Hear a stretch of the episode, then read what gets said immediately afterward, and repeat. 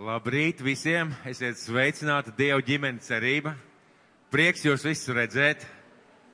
Cik jauki un tik skaisti, ka mēs varam svētdienas rītā sanākt Dieva namā, baznīcā, lai kopīgi pielūgtu Dievu, lai kopīgi pateiktos Dievam, lai slavētu Dievu, lai svinētu kādus svētkus, lai, lai mūsu dzīve nebūtu tikai, lai mūsu ticība nebūtu tikai daļa no mūsu dzīves, bet lai mūsu ticība būtu sakņota visā mūsu dzīvē, piepildīta visa mūsu dzīve.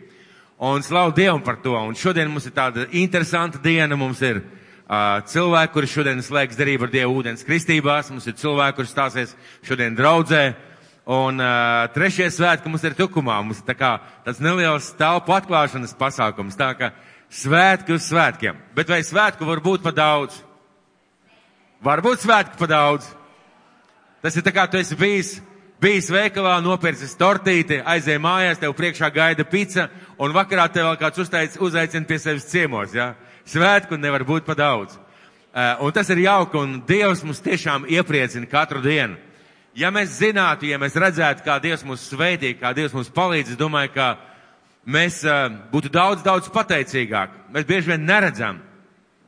Bet ja mēs tā apstājamies un padomājam, mēs varam ieraudzīt, ka Dievs mūs svētī, ka Dieva žēlastība ir mums, ka Viņa roka mūs vada, ka roka, Viņa roka mums palīdz un ka mēs varam būt Viņa bērni gal galā. Dzīvot šajā pasaulē kopā ar Viņu un drošībā, mierā, paļāvībā un ticībā uz Dievu caur Viņa dēlu Jēzu Kristu. Šodien, kā mēs jau iesākumā runājām, mums ir daudz priecīgu notikumu. Un uh, sāksim ar pirmo priecīgo notikumu. Mēs esam sanākuši šeit dzīvi, veseli, sveiki, pēduši pareizi. Vai tas nav priecīgs notikums?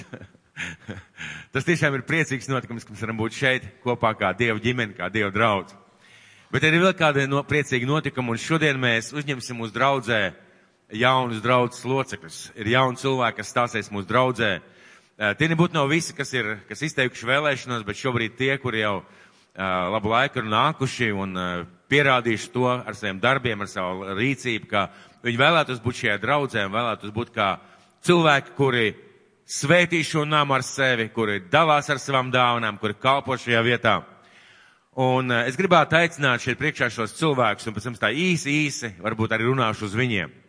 Un sāksim mēs varbūt ar Irinu. Irina, nāciet lūdzu šeit priekšā, viņa ir no Tukuma, lūdzu nāciet šeit priekšā. Tad mēs aicināsim Itāliju. Mēs ar aplausiem varam viņus apsveikt. Tad, ir, tad ir Jānis un Jānis Matīs un Liena. Nāciet lūdzu šeit priekšā.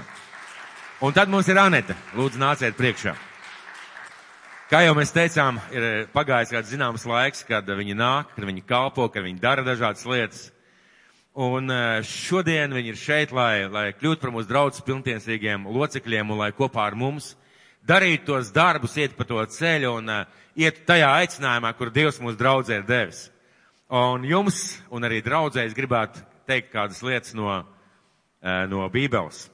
Un tas ir, nu, būs no vēstules efeziešiem. Vēstule efeziešiem, 4. nodaļa. 1. un 4. pants līdz 7. pants. Un apustulis Pāvils, jeb svētais gars ar apustulu Pāvilu, šajā gadījumā arī jums, šodien arī jums. Ja. Viņš saka tādus vārdus. Tad no važās slēgts sava kunga dēļ es jūs mudinu. Dzīvojiet tā, kā to prasa jūs aicinājuma cieņa. Viņš no cietuma raksta šo vēstuli domājot par draudz. Viņš raksta Efes draudzēji, un viņš runā par šiem cilvēkiem, viņš saka, dzīvojiet tā, kā to prasa jūs aicinājuma cieņa. Un Dievs izvēlējies, lai mēs pārstāvētu viņu šeit uz zemes. Dievs jūs izvēlējies, Dievs jūs izvēlējies, Dievs man izvēlējies, lai viņš mēs pārstāvētu šeit viņu valstību uz zemes. Lai nestu viņu vārdu, lai kalpotu viņam visā pazemībā, lēnībā un pacietībā, cits citu panestam mīlestībā. Kāpēc Jēzus Pāvils raksta šos vārdus, jo neviens uz šīs zemes nav ideāls, neviens uz šīs zemes nav perfekts. Un uh, man šodien jums ir laba un uh, varbūt arī bēdīga ziņa. Šī nav perfekta draudz. Šī nav ideāla draudz, jo ideāla un perfekta draudžu nav nav ideāli draudz locekļi un nav ideāli mācītāji. Debesīs ir ideāls. Bet, un tieši tāpēc Pāvils saka, kad jūs būsiet draudzē visā pazemībā un lēnībā un pacietībā, cits citu panesiet mīlestībā. Tā Tā vietā, lai uh, koncentrētos uz cilvēku vājībām, tā vietā, lai domātu, kas kam neizdodas, vai kur kas ir nepilnīgs, tā vietā domājiet par to, kas ir labs draudzē, kas ir labs cilvēkos, kas ir labs jūsos, un, un tā būs svētība jums, un tā būs svētība cilvēkiem. Un trešajā pantā viņš saka, censdamies uzturēt gara vienību ar miera saiti.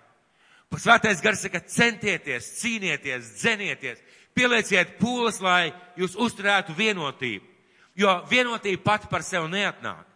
Vienotība tāpat kā mīlestība, viņa, viņa tiek izlieta mūsu sirdī, bet mums ar viņu ir jādalās. Mums ir jāda, jāpieliek pūles un šajā pasaulē tikai nezāles aug pašas no sevis. Tikai putekļi paši no sevis klājās. Neviens mīlestības darbs no sevis nenotiek. Neviens tāds smaids pret citu cilvēku virzienā neparādās, ja mēs nepieliekam šajās lietās uh, savus rūpes. Un tālāk viņš saka, kāpēc mums jābūt vienotībā, kāpēc jādzenās viena miesa, viens gars, jo vienai cerībai jūs savā aicinājumā esat aicināti. Viens kungs, viena ticība, viena kristība. Viens visu Dievs un Tēvs, kas pār visiem, ar visiem un ar iekš visiem. Un Pāvils saka, kad jūs esat draudzē, kad jūs esat kopā, Rū, mīlēj, mīliet viens otru, rūpējieties, gādājiet viens par otru, jo jums ir viens tēvs debesīs. Jūs esat viena Kristus miesa. Jums ir viens gars, un patiesībā jums tā pa lielam ir viens mērķis - sludināt evaņģēliju, nes Dievu gaismu šajā pasaulē. Un uh, cilvēki, kuri kādā konkrētā draudzē, viņiem šis mērķis uh, iet tajā virzienā, kur svētais gars ved šo draudz. Ir dažādas draudzes, dažādi draudži aicinājumi, tāpat kā cilvēkiem, bet iet vienā virzienā un meklēt savu vienīgo un unikālo vietu. Un 7. pantā viņš saka, bet tik vienam no mums piešķirta žēlastība tādā mērā, kādā to Kristus mums ir dāvinājis. Kādā tas mums, mērā, kādā Kristus to mums ir dāvinājis. Un katram no mums ir savi apstākļi. Savs, savi apstākļi un situācija, no kuras nāk Irina, Vitālijas, Matīs, Liena, Aneta. Katram ir savi apstākļi, katram savu situāciju, katram savu pieredze. Bet kā šeit ir rakstīts, bet ik vienam no mums piešķirta žēlastība tādā mērā, kā Dievs to devis. Tas nozīmē, ka katram no jums ir savs aicinājums. Katram no jums ir sava dāvana, ja varbūt vēl neatklāta. Varbūt kaut kādus soļus vēl priekšā. Varbūt tā īsti neliekās skaidrs, ko un kā un kā jūs varēsiet darīt, bet ja jūs ļausieties Dievam, ja jūs mīlēsiet cilvēkus, ja jūs meklēsiet Dievu vajag un Dievu gribu savā dzīvē, Dievs ne tikai liks uzplaukt jūsu dāvanām un talantiem, Dievs lietos jūs varenā spēkā. Dievs jūs lietos kā cēlājs, kā stiprinātājs, kā svētītājs, kā plaisu aizpildītājs, kā cilvēks, kas nevis gaida, kad viņam dos, bet kā cilvēks, kas paši dod. Un tā vienmēr ir mūsu izvēle. Tā vienmēr ir mūsu izvēle. Dievam par godu, lai slavētu, lai pateiktos. Un es gribētu jūs aicināt. Draudzē iestāties ir varbūt viens mirklis. Dzīvot, staigāt, elpot kopā ar draugu ir pavisam cita lieta. Un es gribētu jūs aicināt nekad cenšties neatrauties no draudzes savā garā. Ne tikai, jo cilvēks reizē var būt draudzē ar miesu, viņš var nākt uz dievkalpojumiem, viņš pat var ziedot, bet viņa altārs ir citur, kur viņš ziedo. Viņa domas ir citā vietā, viņa sirds ir citā vietā, un Dievs saka, lai tā nenotiek. Lai jums ir vienotība, celiet šo vietu, kalpojiet šai vietā, svētījiet šo vietu, šo draudzi, un dariet visu iespējamo, lai cilvēki par jums domātu, lai cilvēki par jums varētu teikt, tas ir cilvēks, kas man ir par svētību. Tas ir cilvēks, kas šajā draudzē ir par svētību. Tas ir cilvēks, kas dzīvo Dievam par godu. Un tā mīļie vienmēr ir mūsu izvēle. Tas ir Dieva aicinājums, bet tā vienmēr ir mūsu Dieva izvēle. Un arī jums katram ir savs uzdevums un katram savs aicinājums. Neviens no mums varbūt nezina nākotnē un mēs nezinām, kur Dievs mūs vedīs, ko Dievs mūs aicinās darīt. Bet es zinu vienu, ka neviens, kas uz Dievu nepaļauja, paļaujas, nepaliks kaunā. Neviens, kas meklē Dievu no visas sirds, nepievilsies. Un neviens, kas cenšas mīlēt un svētīt cilvēkus, nepaliks nabaks. Esiet bagāti ar šīm lietām. Dzīvojiet šajā bagātībā. Lai par jums var teikt, Viņš ir bagāts cilvēks. Dievs viņu mīl, un viņš mīl Dievu. Cilvēki viņu mīl, un viņš mīl cilvēkus. tas patiesi bagāts cilvēks. Dzīvojiet kā bagāti cilvēki, kā svētīti cilvēki, kā Dieva aicināti cilvēki. Un mēs, mīļā draudzi, celsimies kājās. Un pirms mēs viņus sveiksim un uzdāvināsim viņiem kaut ko piemiņai, uh, mēs lūgsim par šiem cilvēkiem. Un uh, mēs sveiksim jūs un priecājamies par jums. Un ko es gribētu teikt? Ja līdz šim jūs nācāt varbūt kā ciemiņi, kas atnāca, kurus varbūt, kuriem paspied roku, ar kuriem sasveicinājās, vai šim jūs nācāt kā cilvēki, kur domājam, stāties, meklējam, saprotam, vēlamies, tad no šī mirkļa es gribētu jūs aicināt jūtieties kā daļa, kā neatraujama, kā neatdalāma, kā daļa no šīs Kristus miesas. Un lai Dievs jūs to svētī. Mīļie draudz, izstiepsim savus rokas un svētīsim šos cilvēkus. Mīļais dabas tēvs, šajā mirklī, kungs, mēs nostājamies tavā priekšā, Dievs, un tu pats teici, Kristu, tu pats teici saviem mācekļiem, 2000 gadus atpakaļ tu apliecināji, ka tu celsi savu draudz, ka tu celsi savu draudz, mīļais Dievs, kas nebūs balstīta uz cilvēku spējām, uz cilvēku gudrību vai talantiem. Kungs, tā būs balstīta uz to, ka tu esi Dieva dēls, ka tu esi Kristus, ka tu esi glābējs, ka tu esi Mesija. Kungs, mēs tev pateicamies šodien par miljoniem draudžu šajā pasaulē, par tūkstošiem, par simtiem draudžu locekļu. Kungs, un mēs lūdzām, kungs, svētī šos cilvēkus, kad viņš šajā dienā kļūst par šīs draudzes locekļiem. Tāpēc Tēvs svētī viņus, kungs, un piepild ar dedzību. Tēvs dod viņiem talants un dāvans. Kungs svētī viņus, mīļais Dievs, lai viņu lūkšanas, lai viņu darbi, lai viņu sirds siltums paceļās uz debesīm par šo Dieva ģimeni cerību. Lai viņi ir ne tikai daļa, bet lai viņi ir daļa, kas ceļ, kas veido, kas audzē. Kungs svētī bagātīgi. Devis Tēvs palīdz atrast savu īsto vietu, savu īsto aicinājumu, savu īsto dāvanu, mīļais Dievs. Debes Tēvs palīdz viņiem nevis gaidīt mīlestību, bet dot mīlestību, mīļais kungs, un dzīvot šajā mīlestībā. Un debes Tēvs ielieka viņus tavās rokās, svētījam viņus, pielūdzam tevi un pagodam Tēvs tevi par to, ko tu esi darījis viņu dzīvē līdz šim. Un Dievs, lai bagātīgi tev roka, viņu ģimenēs, viņu finansēs, viņu veselībās, viņu vajadzībās, lai bagāti tev roktās ir par šiem sievām un vīriem, par meitenēm un par pušiem. Tēvs Jēzus vārdā, Āmen. Lai Dievs jūs svētī, mīļā, lai Dievs jūs svētī, bagāti. Paldies! Paldies par drosmi, paldies par to, ka bijāt kopā ar mums. Un eh, šobrīd jūs esat daļa no mums pareizi. Un vēl viens tāds priecīgs, ļoti laimīgs notikums šodien. Eh, mums šodien pēc šī dievkalpojuma būs eh, nākošais dievkalpojums šeit pat netālu Agenskalna Baptistu draudzē, kur mums notiks ūdens kristības. Un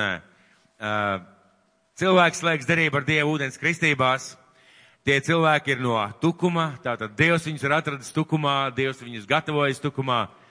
Un mēs aicināsim viņus šeit priekšā. Lūdzu, un ar aplausiem mēs viņus sagaidīsim. Lūdzu, visi, kas šodien kristīsies, nāciet lūdzu. Jā, dažādi ceļi, dažādi ceļi katram cilvēkam. Viens atrod Dievu jaunībā, viens atrod Dievu, Dievu vecākos gados.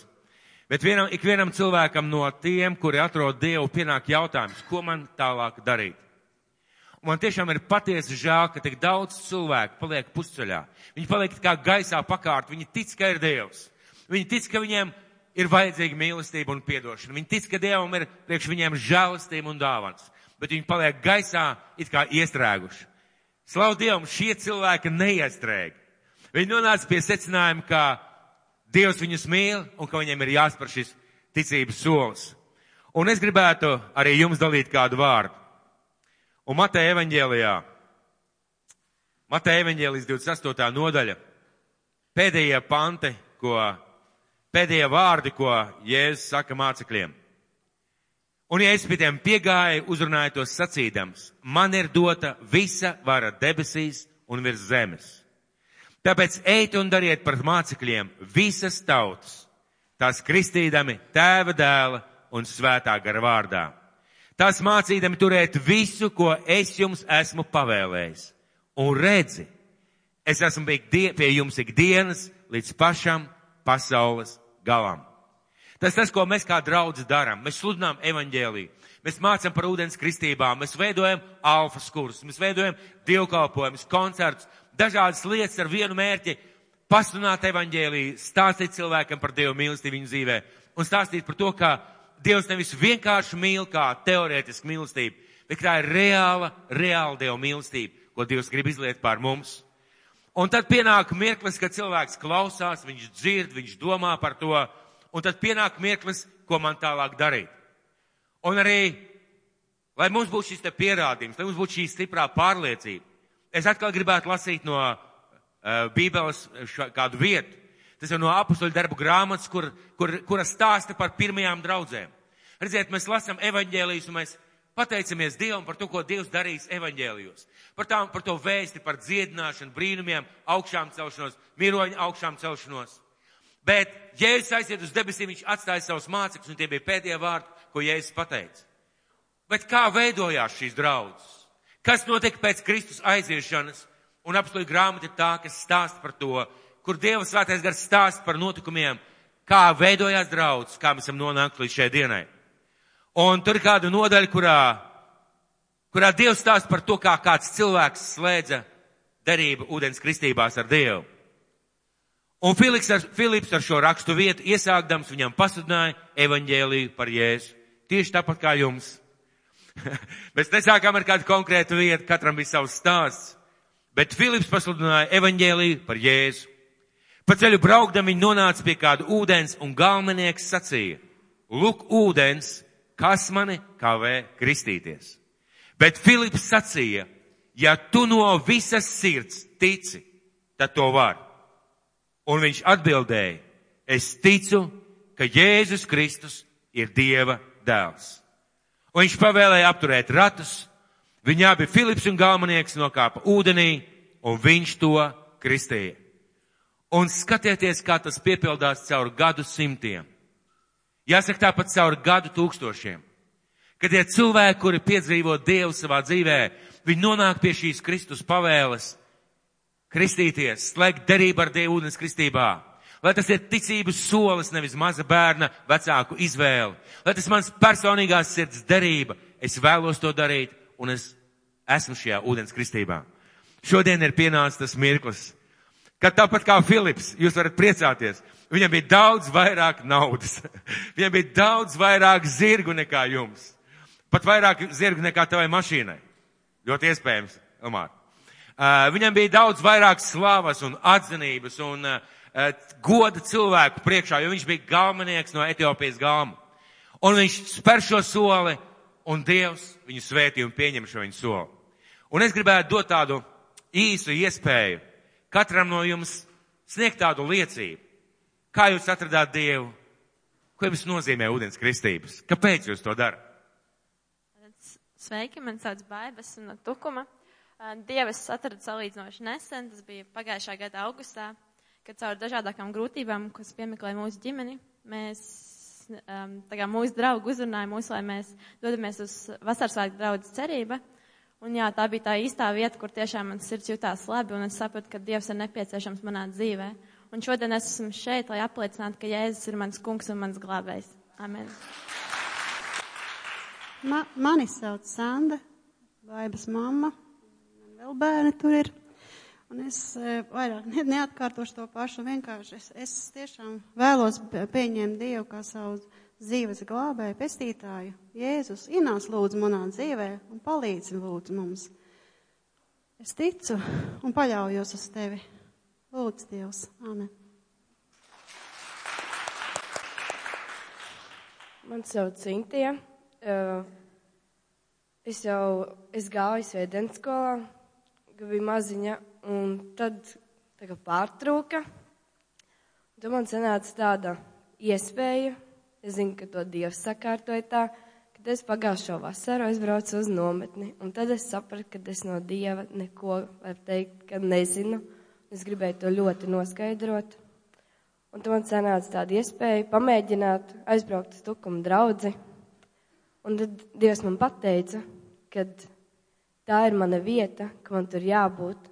Un jā, es esmu šeit, lai apliecinātu to, ka Dievs ir mans kungs, un ka mans glābējs, kas glābs mani, un kad viņš man dos mūžīgo dzīvību. Labdien, mani sauc Madena, es arī esmu no Tukuma. Un jā, un arī tā, kad garš stāsts dzīvē. Un ir tā, ka ilgi bija tā, kad es pieņēmu, sapratu, ka es pieņemšu Dievu, un tas notika tikai nesen, pāris mēnešus atpakaļ. Un šodien es godīgi varu pateikt visu cilvēku priekšā, kad es uzticu savu dzīvi Jēzum Kristam, paļaujos viņu, ielieku savu dzīvi viņa rokās un uzskatu viņu par savu kungu un ķēniņu. Gods un slavu viņam mūžīgi mūžos. Āmen. Nu, es savā uh, dzīvē esmu daudz saskāries ar visām problēmām, un, eh, un nu, nebija viegli tās iziet ārā no tādām problēmām, un, un tas prasīja laiku. Un, uh, nu, es biju reizi vien, es jūtos tā, it kā es esmu tās problēmas pašā priekšgalā, un visu laiku man tās problēmas iet no mugurpuses līdz un domāju, jāuzliek bloks, un es domāju, nu, pie, nu, Dievu es jau pazīstu, jau, nu, ne jau, ne jau es viņu vakar iepazinu, bet jau, nu, laiciņu es viņu, nu, zinu, bībeles rakstos un, un uh, mācībās. Amen. Mm, Labdien, man sauc Artūrs. Es arī tā kā sāku iet uz draugu jau no augusta. Te ir mana mamma, māsas. Jēzus Kristus salīdzinoši nesen pieņēma, bet nu, tas sākums bija tāds, ka uh, bija tiešām ļoti daudz, daudz, daudz problēmas. Un, un, un pagāja diezgan ilgs laiks, nu, līdz tiešām es sapratu, nu, ka es vēlos nodot nu, Jēzus, Jēzum Kristum savu dzīvi. Un, un, un, un, un tad te nu es esmu. Un at, at, atkāpties es ne, nu, nevēlos. Es nedaudz satraucos. tā kā, nu, apmēram tā. Paldies. Mani sauc Elmārs. Turpmāko dzīvi gribu uzticēt Jēzum un sakot viņam. Amen. Patiesas prieks, ka mēs kā draudz varam kalpot tukumā. Paldies Dievam par šo aizsākumu divus gadus atpakaļ pareizi. Paldies jums visiem, ka jūs braucāt, ka jūs ieguldījāties, ka jūs ziedojāt, ka jūs dalījāt tur traktāts uz ielas, ka jūs sludinājāt, ka jūs dziedājāt. Paldies, draudzi, jo tie bijāt jūs, kas iznesāt šo kalpošanu. Un šodien mēs varbūt redzam tikai augļus, bet uh, Dievs zina, cik tas maksāja katram no jums. Un uh, es ļoti priecājos par šiem cilvēkiem. Man ir liels prieks, mūsu vidū ir ģimene, jūs sapratāt, jā? Mamma, divas meitas un, un brālis. Un uh, katram no viņiem ir savs stāsts. Bet, kā es teicu jau pirms dievkalpojuma, pirms dievkalpojuma es viņiem teicu, beigas būs izcils. Ceļš varbūt nav vienkārši viegls vienmēr, nav vienkārši un varbūt tāds, nu, tik, tāds skaists, kā gribētos bet ir pareizs sākums, un beigas būs izcils. Un celsimies kājās, aizlūksim par šiem cilvēkiem. Mīļais Kristu, šodien mēs noliekam katru no viņiem tavā priekšā.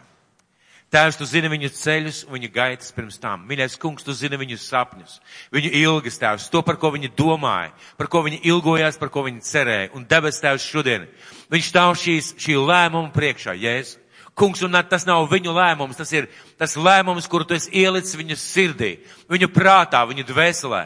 Kungs, un viņi šodien ir paklausot tev, spēr šo ticības soli un ticībā uz tevi kristīsies, slēgt šo darību. Debes Tēvs svētī viņu lēmumu. Kungs svētī viņu nākamos ceļus. Debes Tēvs svētī šo dievkalpojumu un to, kas notiks Baptistu draudzē. Debes Tēvs, lai tava roka, lai debesis ir atvērts, mīļais kungs, lai tavs svētais gars stiprā veidā uz viņiem runā, iedrošina un svētī. Mīļais kungs, lai viņi nekad neaizmirst šo notikumu, kad, kad aiz viņiem aizvērās šis ūdens, kad aiz viņiem aizvērās šis durvis, ka viņi iegāja jaunā dzīvē, lai dzīvot kopā ar tevi, nekad no tevis nešķirtos un lai vienmēr un mūžībā būtu kopā ar tevi. Kungs, svētī viņus tēvs, un lai tava svētība, kungs, lai tava roka, un lai tavu mīlestību tēvs viņus pavada šodien un turpmāk mūžīgi. Jēzus Kristus vārdā. Āmen. Es dalīšos ar vārdu, kuram, kur es sauksu, saucu žēlastību un atkal žēlastību.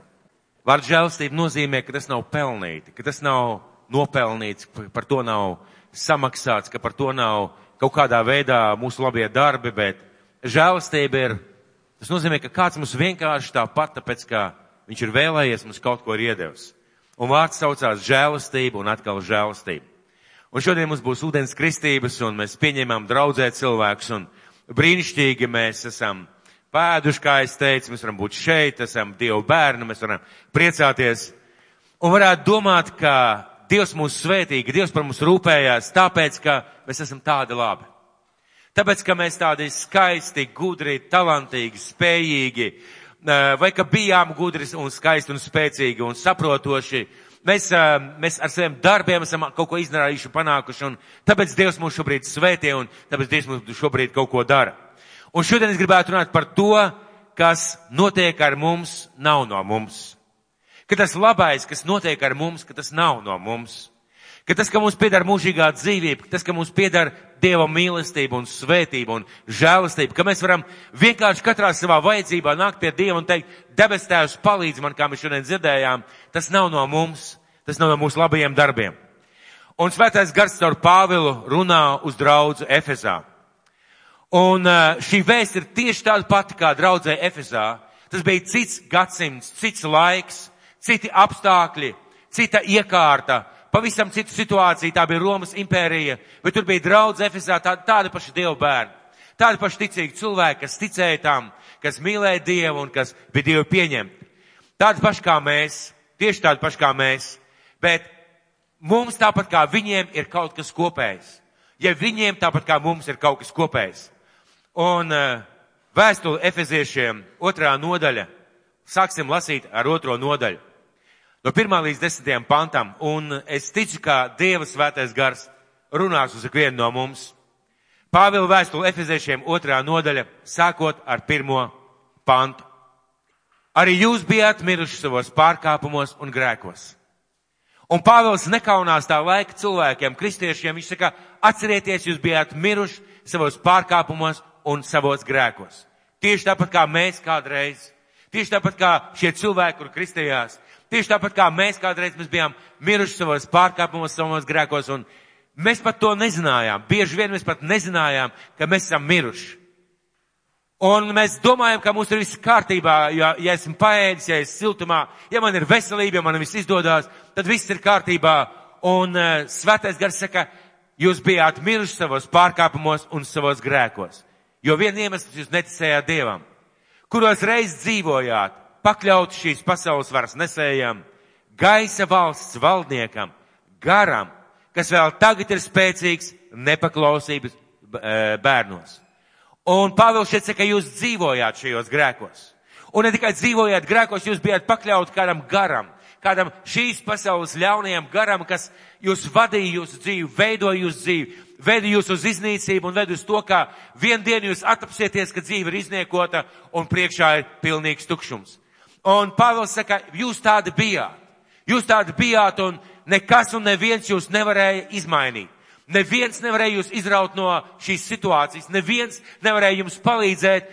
Un reizēm ir tā, ka cilvēks dara pilnīgas muļķības, un kāds nāk viņam saka, nedara tā, tas sabojās tavu dzīvi, tas sabēniet, ai, nieki, ko nieki. Mēs zinām, smēķētāji, alkoholiķi, narkomāni, cilvēki, kuri nespēja turēties pretim grēkam, un viņam liekas, viņš samierinās un liekas, viss ir kārtībā, nekas nenotiek, gan jau kaut kā, gan jau es kaut kā tikšu garām. Un Pāvils saka, jūs dzīvojat tajā un jūs bijāt pakļaut. Jūs pat nezinājāt, ka jūs vergojat šim garam, ka jūs esat šo garu. Un ceturtais pants, kopā ar tiem arī mēs visi reiz dzīvojām savas miesas kārībās, izpildīdami miesas un miesas prāta iegribas, pēc savas dabas būdami dieva dusmības bērni, kā visi pārējie. Un Pāvils saka, mēs tādi reiz bijām. Jūs atcerieties, jūs kādreiz tā dzīvojāt.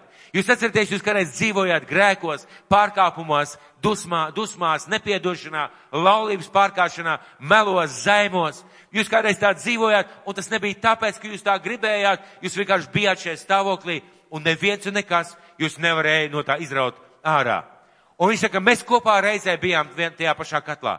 Mēs visi bijām tajā pašā katlā un pēc savas dabas, pat neapzinoties, mēs bijām dus Dieva dusmības bērni.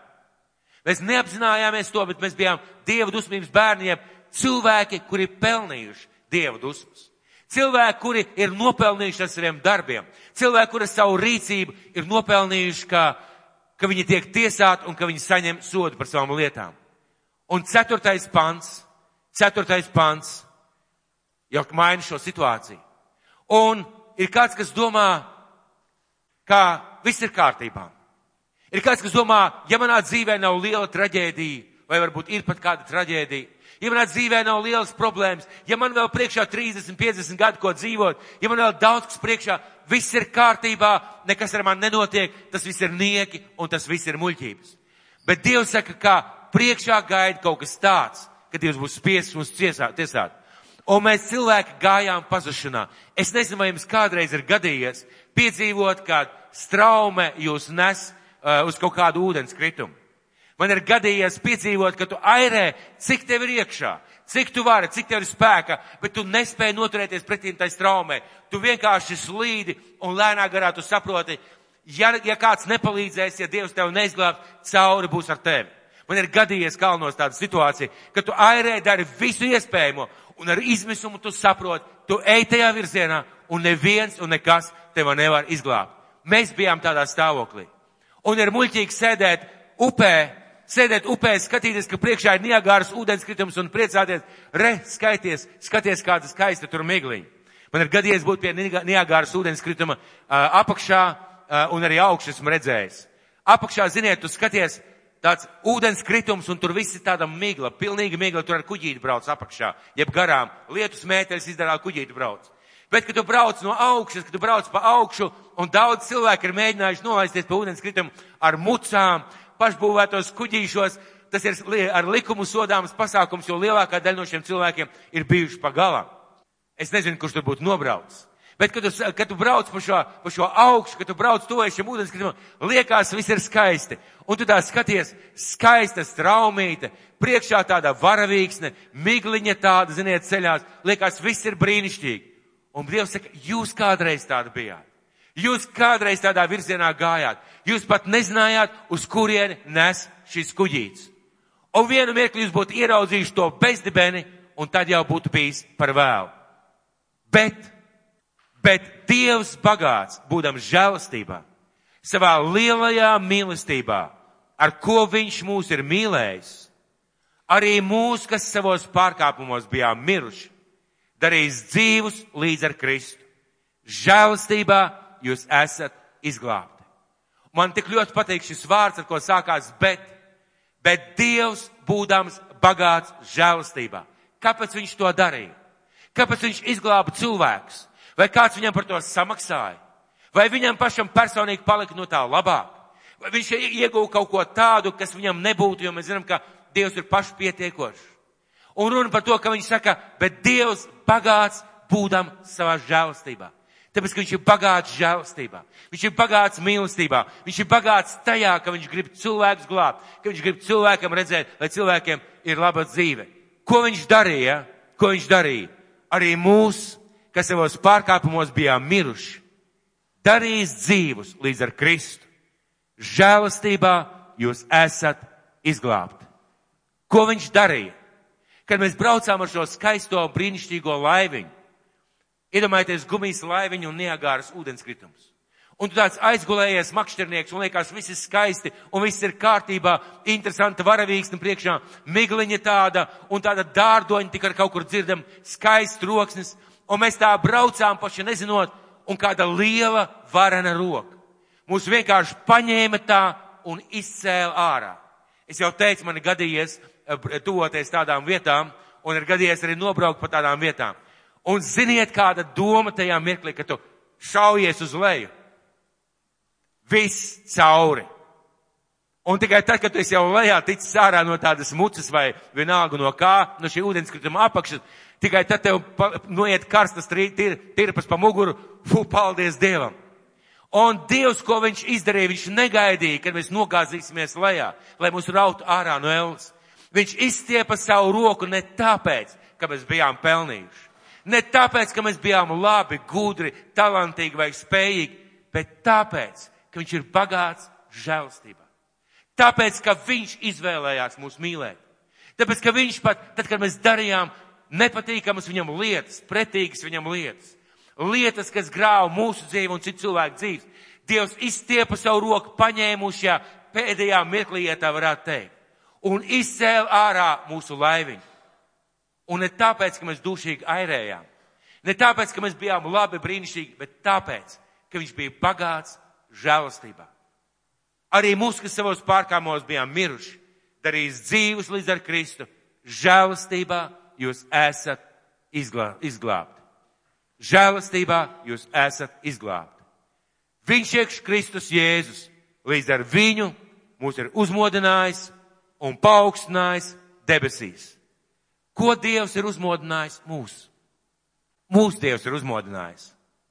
Tos, kas esam piedzīvojuši viņa klātbūtni. Tos, kas esam piedzīvojuši, kā viņš ienāk mūsu dzīvē.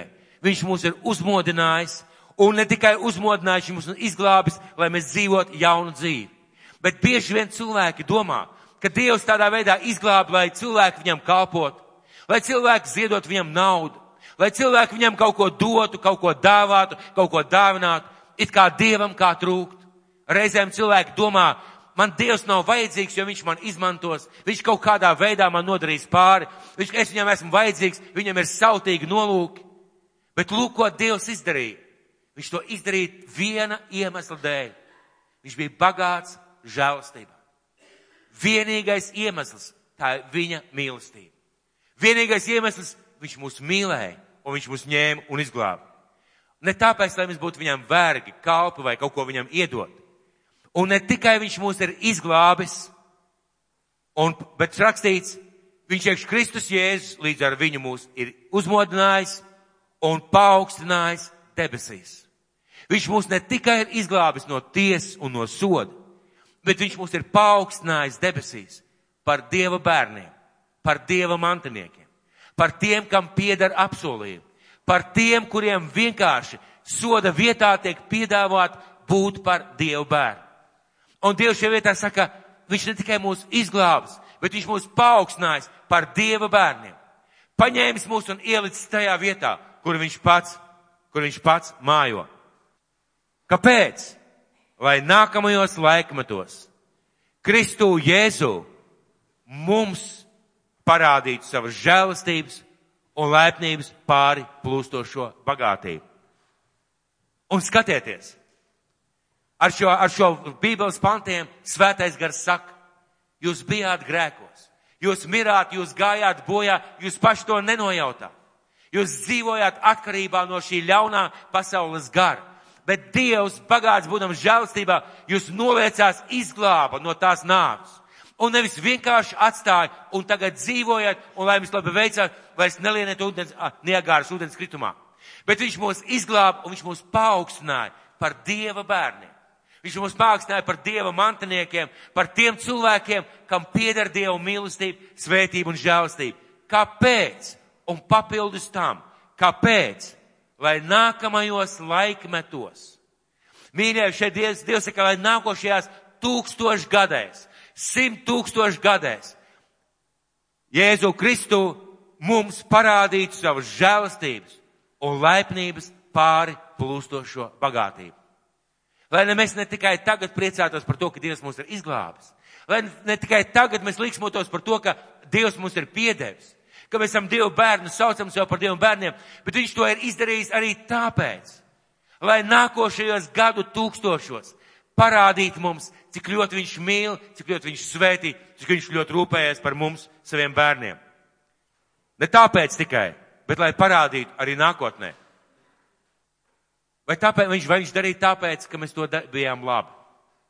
Vai viņš darīja tāpēc, ka mēs esam latvieši, krievi, ukraiņi vai baltkrievi?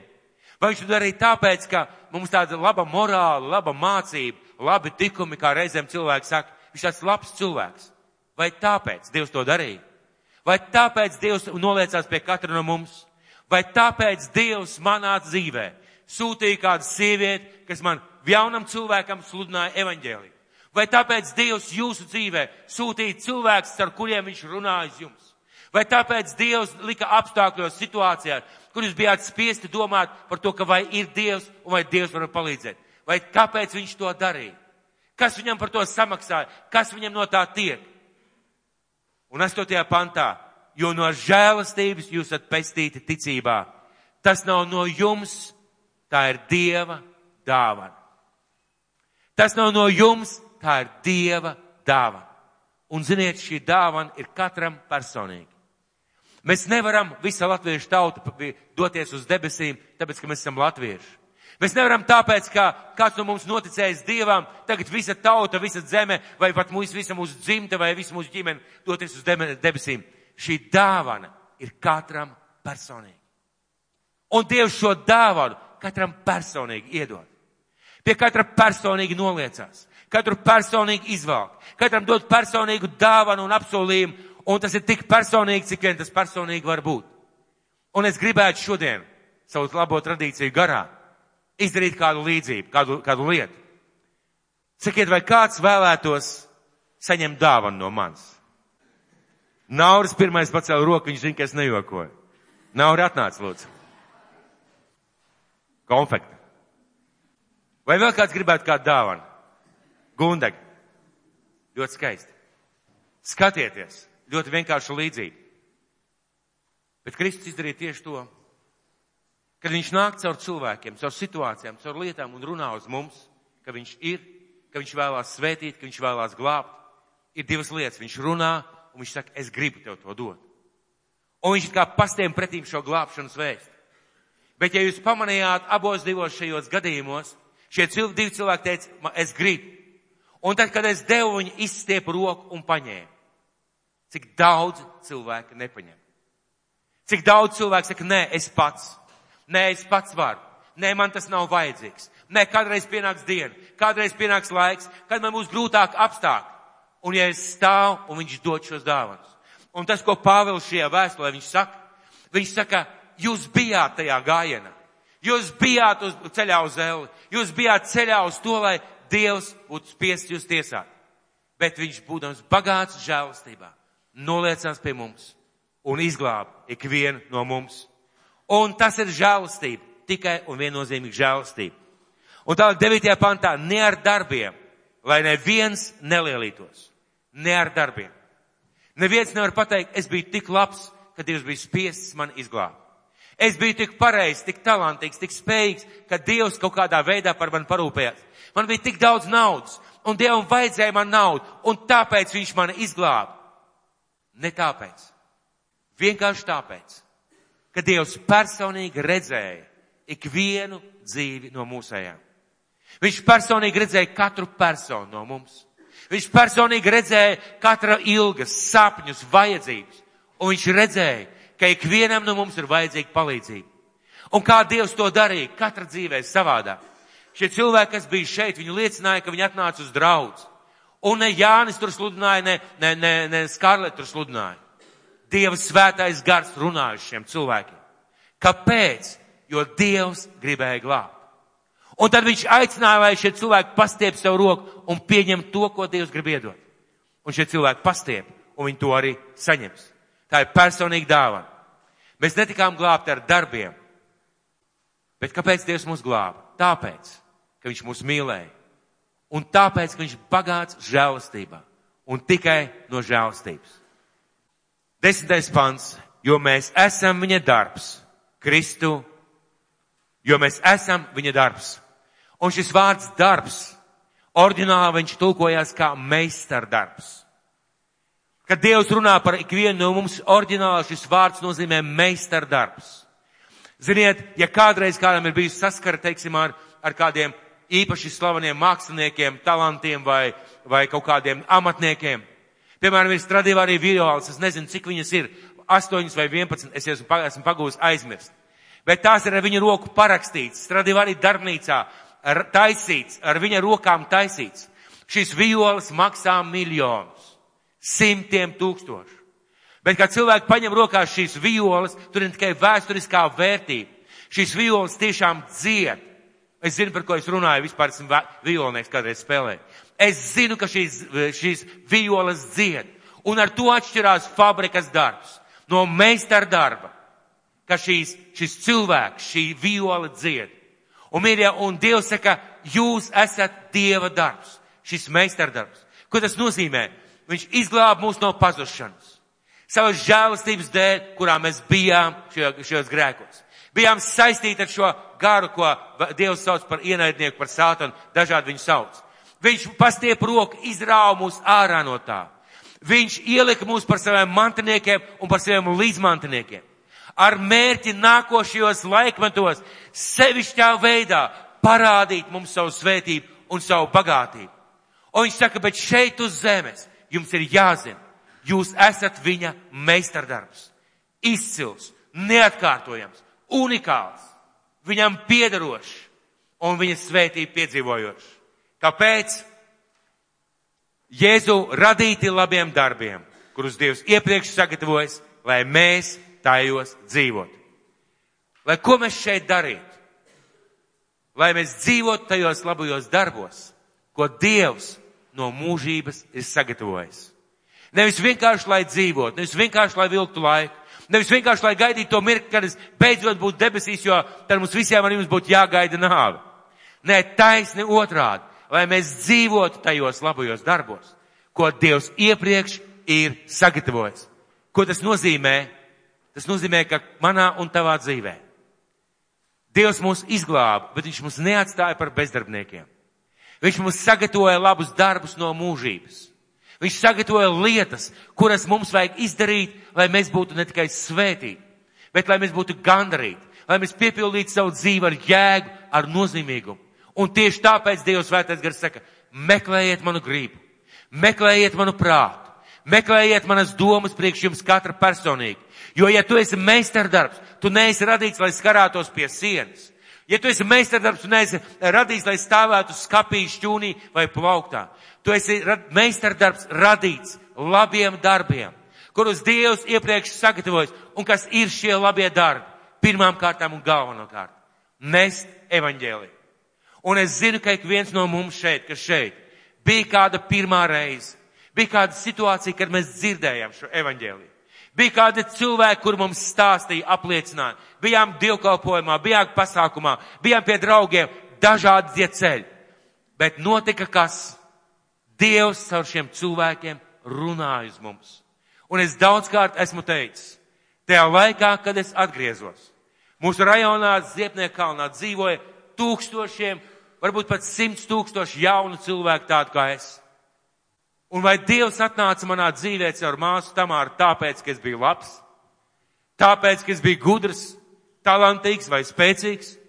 Vai jūsu dzīvē Dievs ienāca tāpēc, ka jūs bijāt izcili, lieliski, neatkārtojami un uh, pasaules slavenības?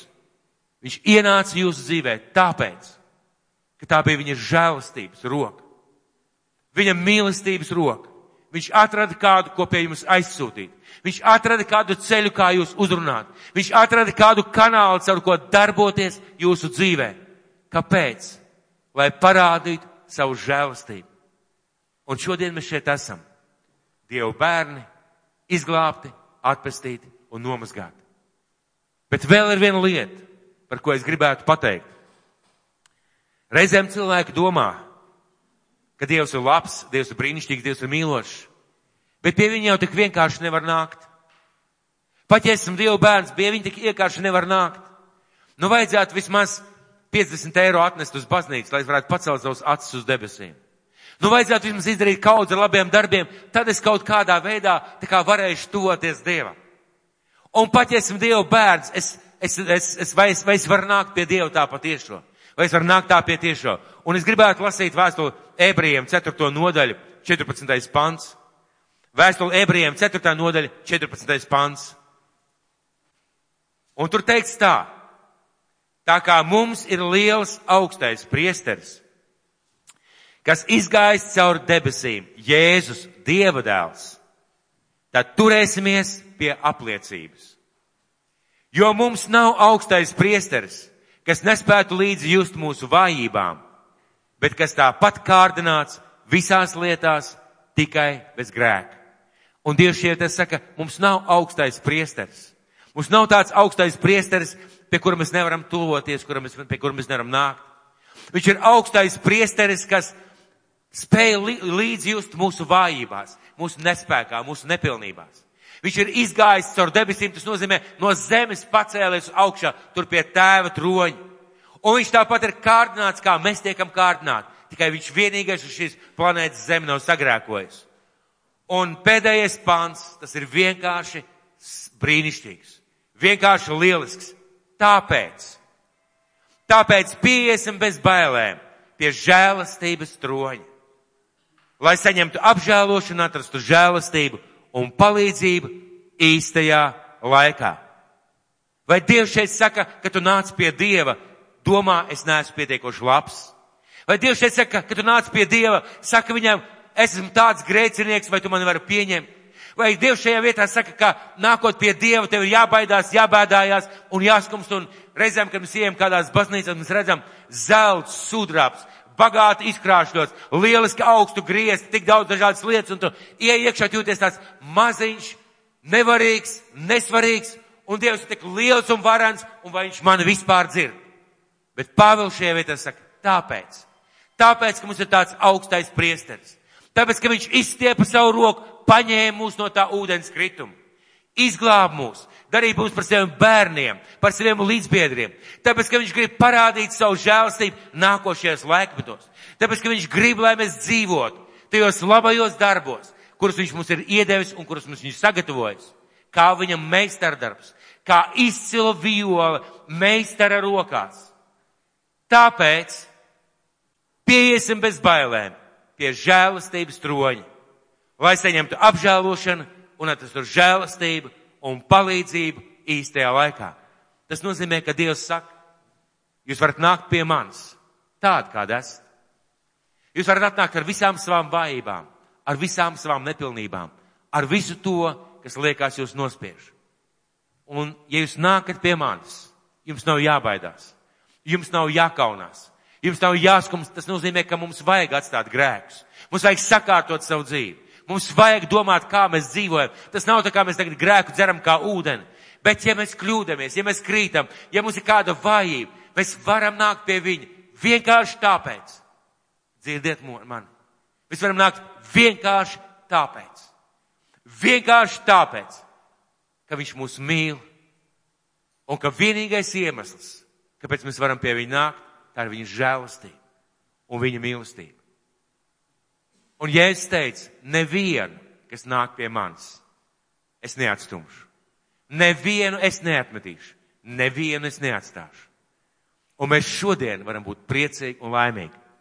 Mēs tiešām varam būt gandrīti un pateicīgi Dievam, jo no žēlastības un tikai no žēlastības. Un slavu Dievam par to, ka šodien, lai varētu toties Dievam, nav, nav jānes naudas maks uz uh, baznīcu. Ka šodien, lai tuvoties Dievam, nav jāizdara septiņi labi darbi un visi jāpiefiksē, jādokumentē. Nav šodien, lai atnāktu pie Dieva, jāno, jānorāpo līdz ceļiem, līdz baznīcai, kā kādreiz cilvēki to mācīja. Nav jādara tādas lietas, par ko Dievs pat nemāca un nav aicinājis darīt. Tas nav jādara. Mēs vienkārši varam nākt pie viņa tāpēc, ka viņa žēlastība ir mūsu dzīvē. Un ko viņš saka? Pastiep savu roku. Pastiep savu roku un saņem šo žēlastību. Paldies viņam par to. Un vienmēr tā domāsim, un vienmēr atcerēsimies. Viņš mūs ir izglābis, jo viņš mūs mīl. Un vienīgais iemesls, viņš ir bagāts žēlastībā. Viņš grib dalīties ar savu žēlastību, viņš grib dalīties ar savu mīlestību, viņš grib dalīties ar šīm tuvajām, lieliskajām attiecībām. Un vienīgais, ko viņš gaida, lai mēs nākam pie viņa un viņš mums dod visu, kas ir vajadzīgs. Lai šie vārdi tev šodien iepriecina, lai tev nomierina. Un zini, tev nav jābūt labākam, lai Dievs tevi mīlētu. Tev nav jābūt pareizākam, lai Dievs tevi mīlētu. Tev nav jāizdara vairāk labu darbu, lai Dievs tevi mīlētu. Viņš jau tevi mīl. Un nekad nemīlēs mazāk. Viņš jau tevi svētī un nekad nesvētīs mazāk. Viņš jau ir kopā ar tevi un nekad nebūs situācijas, kad viņš tevi atstās vienu pašu. Kāpēc? Jo no žēlastības un tikai no žēlastības. Lai Dievs jūs svētī!